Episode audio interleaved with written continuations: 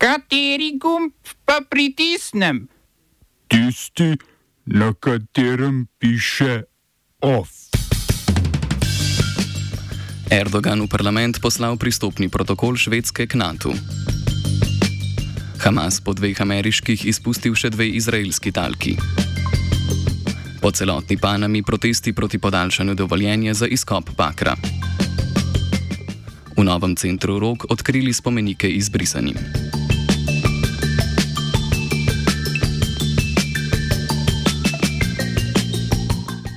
Dobr dan, poslušate poročila na Radiu Student. Turški predsednik Recep Tayyip Erdogan je v parlament poslal protokol o pristopu Švedske k zvezi NATO. Če si ne bo sredi parlamentarnega postopka premislil, to pomeni začetek konca skoraj leto in pol dolge blokade sprejema Švedske v vojaško zavezništvo.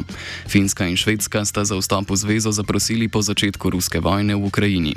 Članice so obe državi v zvezo povabile julija lani. Finska se je zavezništvu priključila aprila letos. Erdogan je za odpravo blokade zahteval, da Turčiji Združene države Amerike dobavijo lovce F-16. Od Švedske pa je zahteval izročitev turških političnih beguncev, predvsem tistih, ki jih v Turčiji obtožujejo sodelovanja z delovsko stranko Kurdistana. Švedska je s tem namenom spremenila lastne ustavne zakone in začela posameznike v Turčijo tudi izganjati. O tem individualno presojajo švedska sodišča. O predlogu zakona o ratifikaciji švedskega pristopa NATO bodo najprej razpravljali na parlamentarni parlamentarni komisiji za zunanje zadeve, temu bo sledila parlamentarna ratifikacija. Vstopa Švedske poleg Turčije ni ratificirala še Mačarska, ki tako postaje edina zmožna Švedsko rešiti dokončnega vstopa v klapo imperialistov.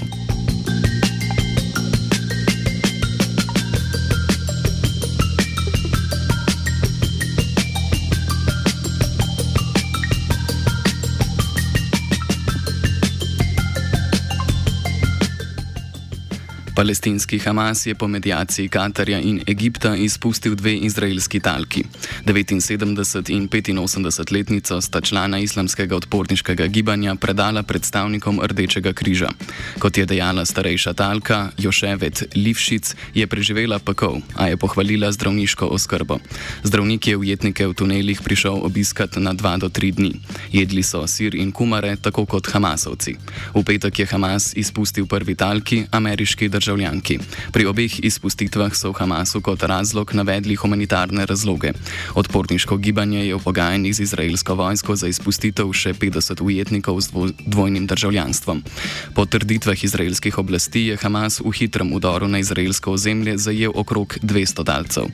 V zameno za njihovo izpustitev je Hamas prva zahteval izpustitev vseh palestincev v izraelskih zaporih, ki jih je bilo pred izraelsko razglasitvijo vojnega stanja prek 5000, zdaj pa že dvakrat več.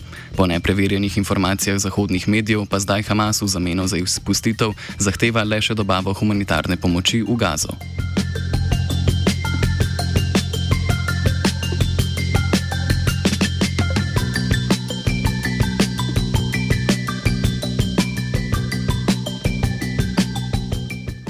Po bombardiranju bolnišnice Al-Ahli Arab v Gazi pred tednom dni, v katerem je umrlo okrog 500 ljudi, je izraelska vojska zdaj bombardirala še območje v neposrednji bližini bolnišnice Al-Wafa.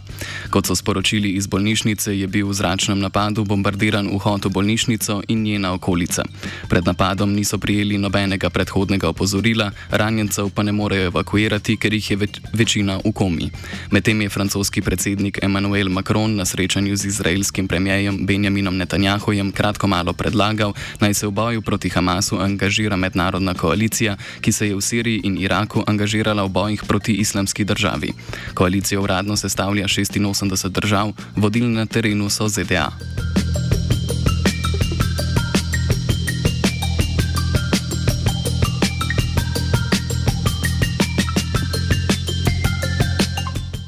V Panami so sindikati učiteljev in gradbenikov skupaj z okoljevarstveniki po celotni državi protestirali ter od vlade zahtevali, da prikliče pogodbo o nadaljevanju rudarjenja bakra v rudniku Kobre Panama.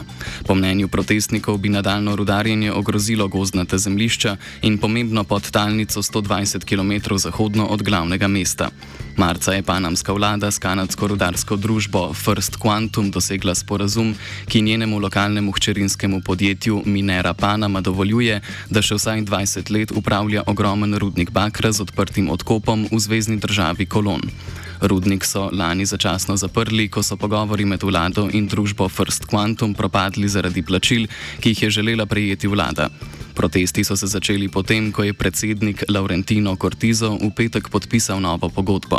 Pogodba Panami zagotavlja dobrih 350 milijonov evrov letno in je desetkrat višja kot prejšnja pogodba.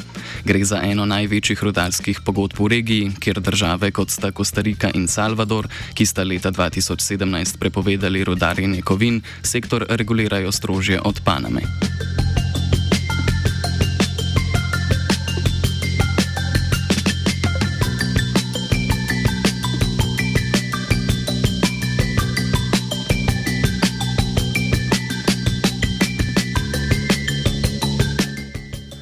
Posebno tožilstvo za boj proti korupciji in organiziranemu kriminalu v Albaniji je opozicijskega voditelja Salija Berišo in njegovega zeta Jamarbarja Maltezija obtožila korupcije in pranja denarja.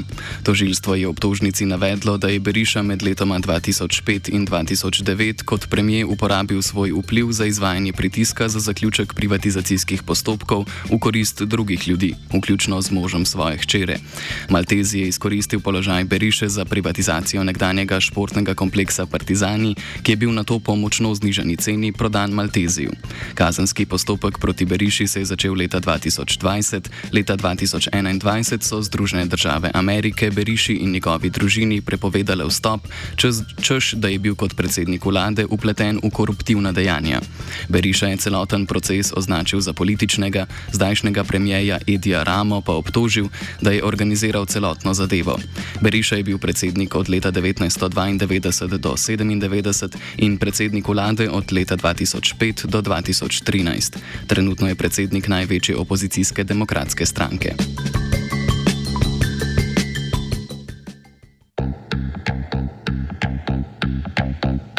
Smo se osamosvojili, nismo se pa osvobodili. Naslednje število je še 500 projektov izpiljene modele, kako so se strani nekdanje LDS rotirali. Ko to dvoje zmešamo v pravilno zmes, dobimo zgodbo o uspehu. Takemu političnemu razvoju se reče udar. Jaz to vem, da je nezakonito, ampak kaj nam pa ostane? Brutalni obračun s politično korupcijo. To je Slovenija,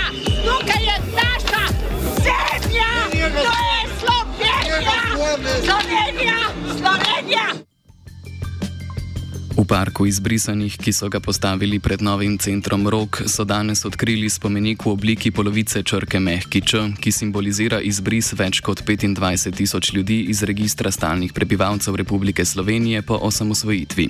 Postavitev je na odkritju komentiral Irfan Beširovič, predsednik civilne inicijative izbrisanih aktivistov, ki pravi, da postavitev spomenika ni opravičilo za izbris. Izbris je ena taka lahko rečem, nagrabno stvar, to je takratna politika, je naredila, ne vsi ampak. Čeprav so bili upozorjeni, da bo to Slovenijo nekega dne koštalo, so nas izbrisali. Ampak oni so rekli, da so naredili napako. Ne, ni bila napaka, ker so bili upozorjeni, da bo to nekega dne Slovenijo koštalo. Potem so rekli, da so nas premestili v registr za tujce. Ja, ni res. Pa on ne bi uničeval dokumentov, bi imel svoje dokumente. In kaj se zgodi? Človeka, ki izbrišajo, postane nič. On obstaja. Ko greš za nekom, ne, nimate denarja, nimate papirjev, niste slovenske državljani, greš na rdeči križ, tudi ni, ni pomoči, potem pa vse zgubiš, spiš v partiji, starih avtomobilih, v kleteh, preboliš tam gozov v kleti, noben več. Zato pravim, v civilni stilu izbrisanih aktivistov smo zadovoljni, da je končno nekaj pomenovalo po izbrisu in da upozarja, to ni upravičilo. Tega spomenika in parka ne sprejmemo kot upravičilo, temveč kot opomin sedajnim in bodočim oblastem in sedajnim in bodočim generacijam, da se kaj tazga ne zgodi več. Po poročanju portala NN je premijer in predsednik stranke Gibanja Svoboda Robert Golob podpredsednico stranke Urško Klakočar Zupančič na razpravi poslanske skupine pozval k odstopu z mesta predsednice državnega zbora. Po sicer neuradnih informacijah naj bi Robert Golob na četrtkovi razpravi poslanske skupine odstop predsednice državnega zbora zahteval, ker se je vzdržala glasovanja o razrešitvi ministrice za kmetijstvo Irene Šinko. Kot še poroča NN, naj bi razpravo odprl eden od poslancev, ki je menil, da Klakočar Zupančič prevečkrat ravna po svoje in ne po strankarski liniji. Večina poslanske skupine naj bi se vseeno postavila na njeno stran, zatrjujejo na NN. Odločitev naj bi Klakočar Zupančič sporočila danes na seji poslanske skupine, po poročanju NN pa naj ne bi nameravala odstopiti.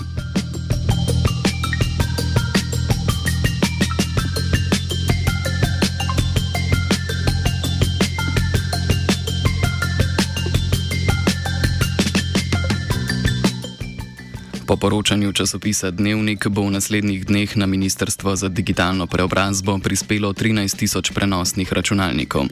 Po neuradnih podatkih Dnevnika na ministrstvu še ne vedo, komu bodo prenosne računalnike namenili, zato jih poskušajo predati drugim resorjem. Na ministrstvu sicer trdijo, da so prenosnike kupili za tri različne skupine. Za ranljive skupine prebivalstva, ki bodo računalnike prejeli prek mehanizma za brezplačno izposojo računalnikov Miro, katerega namen je zagotavljanje dostopa dostopa do osnovne računalniške opreme. Druga skupina so izobraževalne ustanove, predvsem vrtci in šole. Tretja skupina, ki naj bi prejela prenosnike, pa so podjetja, prizadeta v julijskih poplavah in plazovih. Kot nadalje poroča Dnevnik, je pojasnilo sporno zaradi tega, ker je bil javni razpis objavljen dva tedna pred julijskimi poplavami, zakon o odpravi posledic poplav pa je bil sprejet avgusta. Dnevnik še dodaja, da predaja prenosnikom šolam in vrtcev sploh še ni usklajena z ministrstvom ministrstvom za vzgojo in izobraževanje. Kot je za dnevnik povedal ministr Dario Felda, sta ministrstvi šele v fazi dogovarjanja. Skupna vrednost nabavljenih prenosnikov znaša skoraj 6 milijonov evrov in pol.